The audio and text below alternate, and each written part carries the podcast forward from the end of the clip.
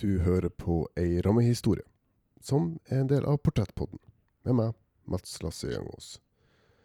Vi fortsetter der vi slapp sist gang, med trolldomsprosessene i Finnmark. For min gjest i dag er Rune Blix Hagen.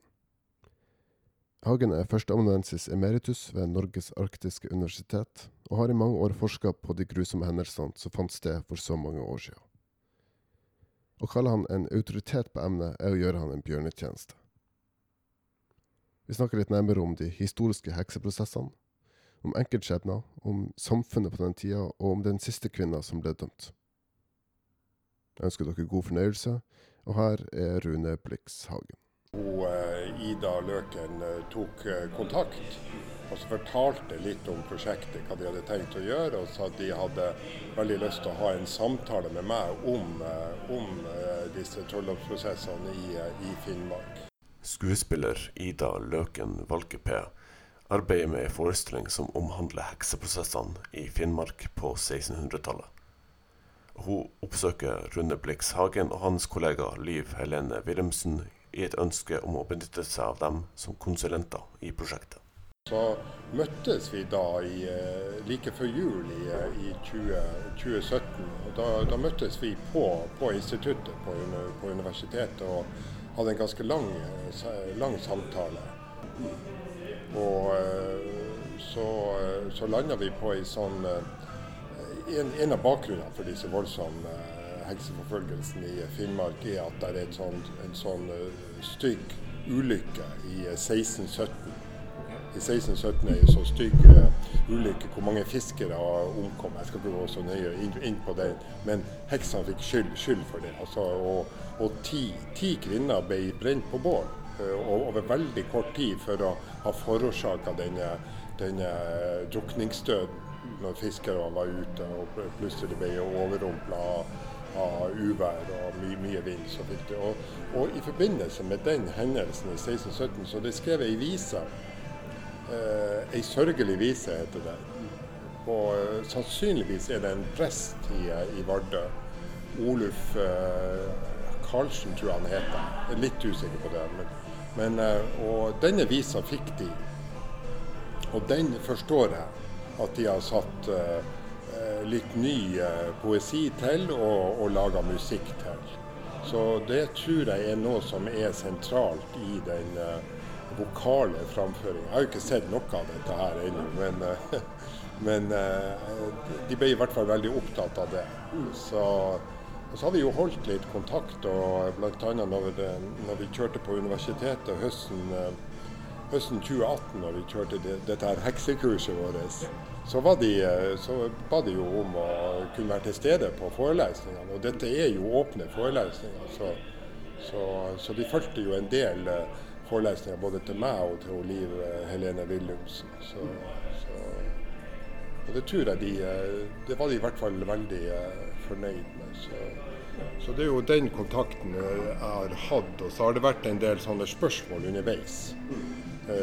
Bare oppklaringer, og både med personfigurer og prestenes rolle i, i, i dette her. Og, altså den, den type, type spørsmål. En av grunnene til at vi finner så mye trollkvinner i Finnmark, er jo at vi har så gode kilder.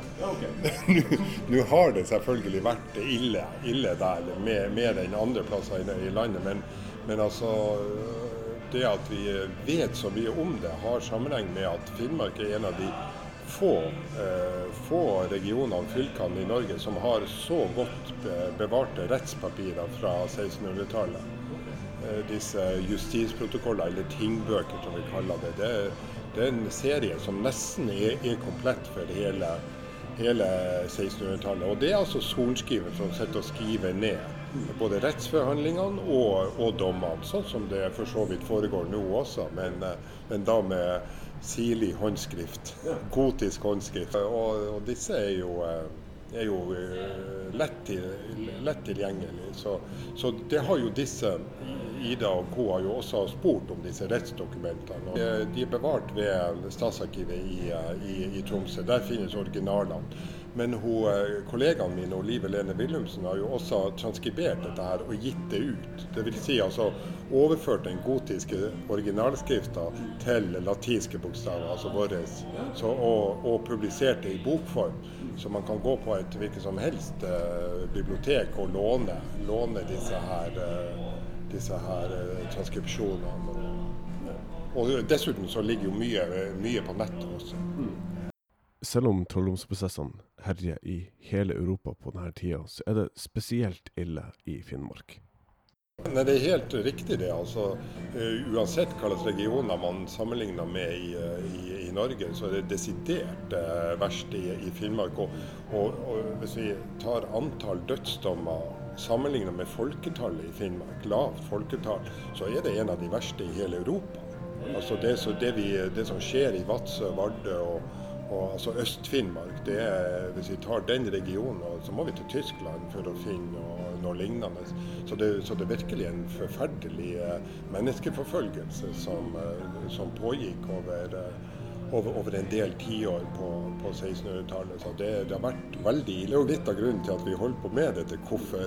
Det er jo det store spørsmålet. Og, og vi har jo ikke et fasitsvar, men det er mange, mange ting som, som spiller inn. Det, det ene er jo de rammene, altså at heksetro altså det, det både for lekfolk og, og, og, myndigheter trodde jo på dette her. Og når man da kommer i, i, i kontakt med, et, eh, med, en region, et landskap som er eh, ja, hvor det sto gjennomtrekk av folk, og det er masse uvær, folk, eh, folk omkommer på havet og sånn. og når man da tenker på at dette her er de siste dager, at Satan er ute og verver rekrutter, og man også vet at Satan har sitt tilholdssted langt nordpå, så eh, å røre alt dette her sammen, så, eh, så, er det faktisk ikke så rart at det ble så ille akkurat der i, i Øst-Finnmark. Det er ei tid prega av mye frykt og overtro.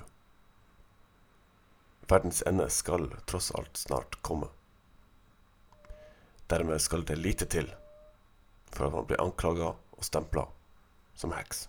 Hvis vi tar, eh, tar Finnmark som, eh, som, utgangspunkt, så er det jo gjerne sånn at, at man bygger opp et rykte, et trolldomsrykte over det, det, kan bare gå over lang tid. Altså, man, man, man, vet at den og den personen, naboen, eh, nabokvinna, driver med noe magi og sånn. Og det kan være hvit magi som da plutselig slår over i, i skadelig magi. Og dermed dermed har ruller, ruller en, en, en, trolldoms... Eh, folk blir anmeldt, og så, så blir det en trolldomssak ut av det. Og så det man, eh, det man bruker som andre, andre bevis, foruten, foruten, at folk bekrefter disse her ryktene de har hørt at den og den, det er jo at der er, der er en forbindelse mellom magien og sykdom og, og død. Og, altså, det går troll i ordet, rett og slett. Man det slynges ut. Og, og, så, og, så, er det jo dette med at hvis ikke vedkommende vil tilstå, så har man da tor torturmidler. Det er vanskelig å si hvor mange tilståelser som har kommet fram på denne måten. Og det her med å Man kan også bevise det med å lete etter såkalte djevelmerker på vedkommende sin kropp. Det gjorde man i Finnmark ufølsomme merker. Merkelige mer mer mer, kroppsutvekster eller merker. Det, det, det var én måte. Og, og, så har man selvfølgelig denne her mest eh, kjent er vel denne såkalte vanntesten. Den er veldig ofte brukt i Finnmark, men ikke så mange andre plasser i Norge. Og det er jo en, det er jo en gudsdom. Altså man er usikker.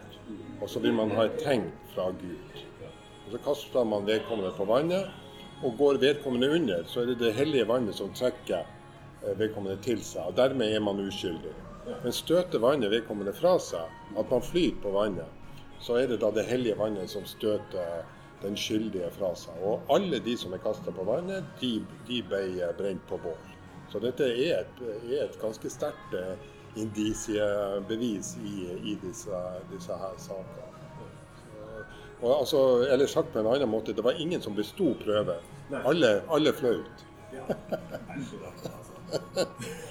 så, så det har jo også vært Hvorfor, hvorfor flaut de? Noen mener at det var at klærne fungerte som flytevester. og Andre mente at, mener at man blir kasta på saltvann og sjokkarta opplevelser da flyter man uansett. Så, så det.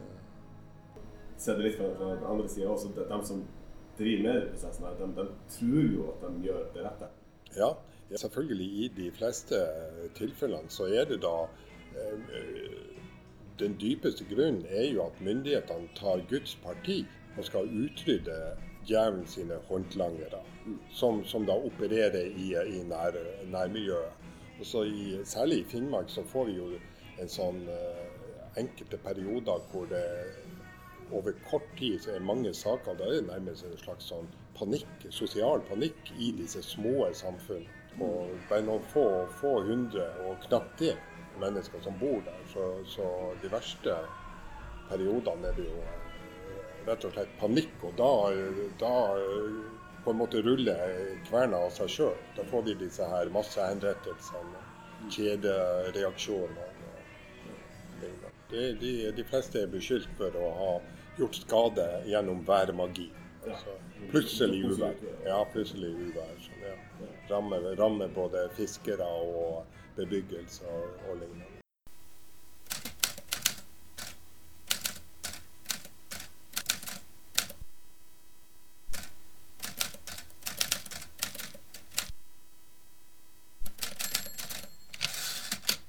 Sannsynligvis er det sånn at de, de fleste i hvert fall, er blitt velta inn i et bål. Altså fra en stige og inn i et, inn inn i et bål.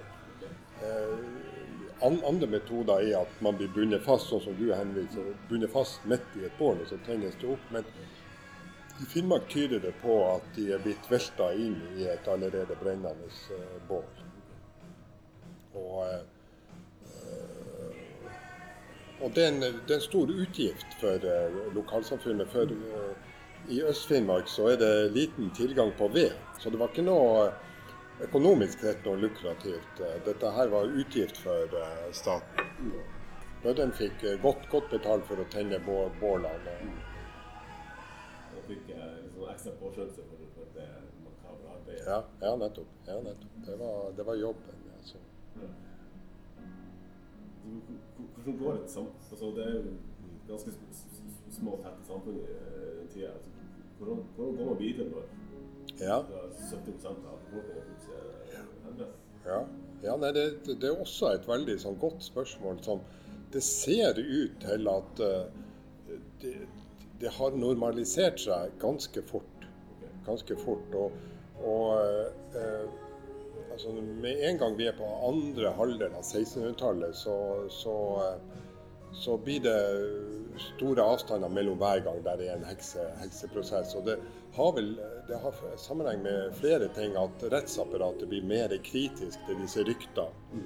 Så, de, så de, de bevisene er ikke gode nok. Og så er det da, er det da en lagmann som, som Vi har én lagmann i, i Nord-Norge, bor på Steigen i Nordland. og han han inspiserer disse rettsforholdene hver tredje år i Finnmark. og Han han forteller jo lokalretten, altså underretten i, i, i, i Vardø, at f.eks. vanntesten er et ulovlig rettsmiddel. Dette kan dere ikke bruke. Og, altså, du får en del sånne kritiske juridiske reaksjoner på, på dette. her. Så det, så det er jo det er jo en av grunnene til at dette, dette, tar slutt. En del som flykter eller drar derifra. Men, men det virker som at det er usedvanlig rolig etter, etter, relativt kort tid. Altså det kommer tilbake til det, til det normale.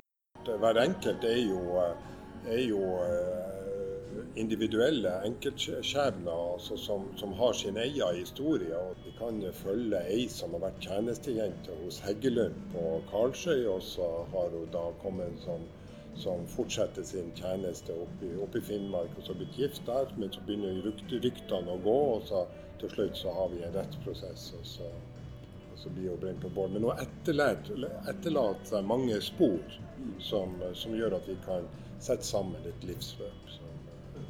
Og de er, de er ja, det er sterkt å lese mye, mye, mye, av dette. For det er jo vanlige folk som, som plutselig da får, får en grusom eh, ende på, på livet. I, eh, I, min egen forskning rundt dette her, så har det vært viktig for meg å gi dem et navn.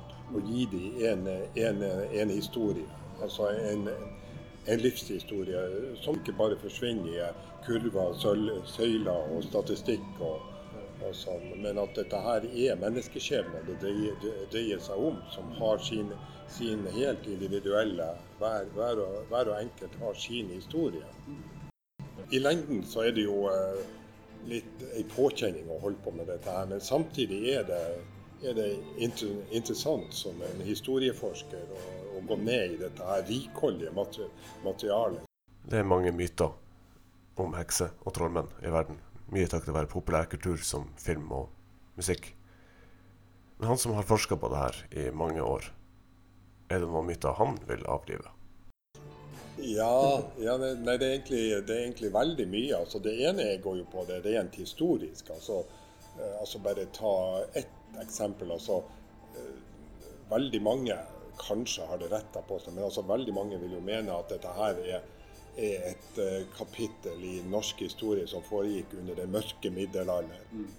Uh, altså 1300-1400-tallet. Men dette er jo, dette er jo noe som tilhører med begynnelsen på vår moderne tid. Renessanse, 1500- og 1600-tallet. Da er vi ferdig med middelalderen. Middelalderen var ikke opptatt av hekser.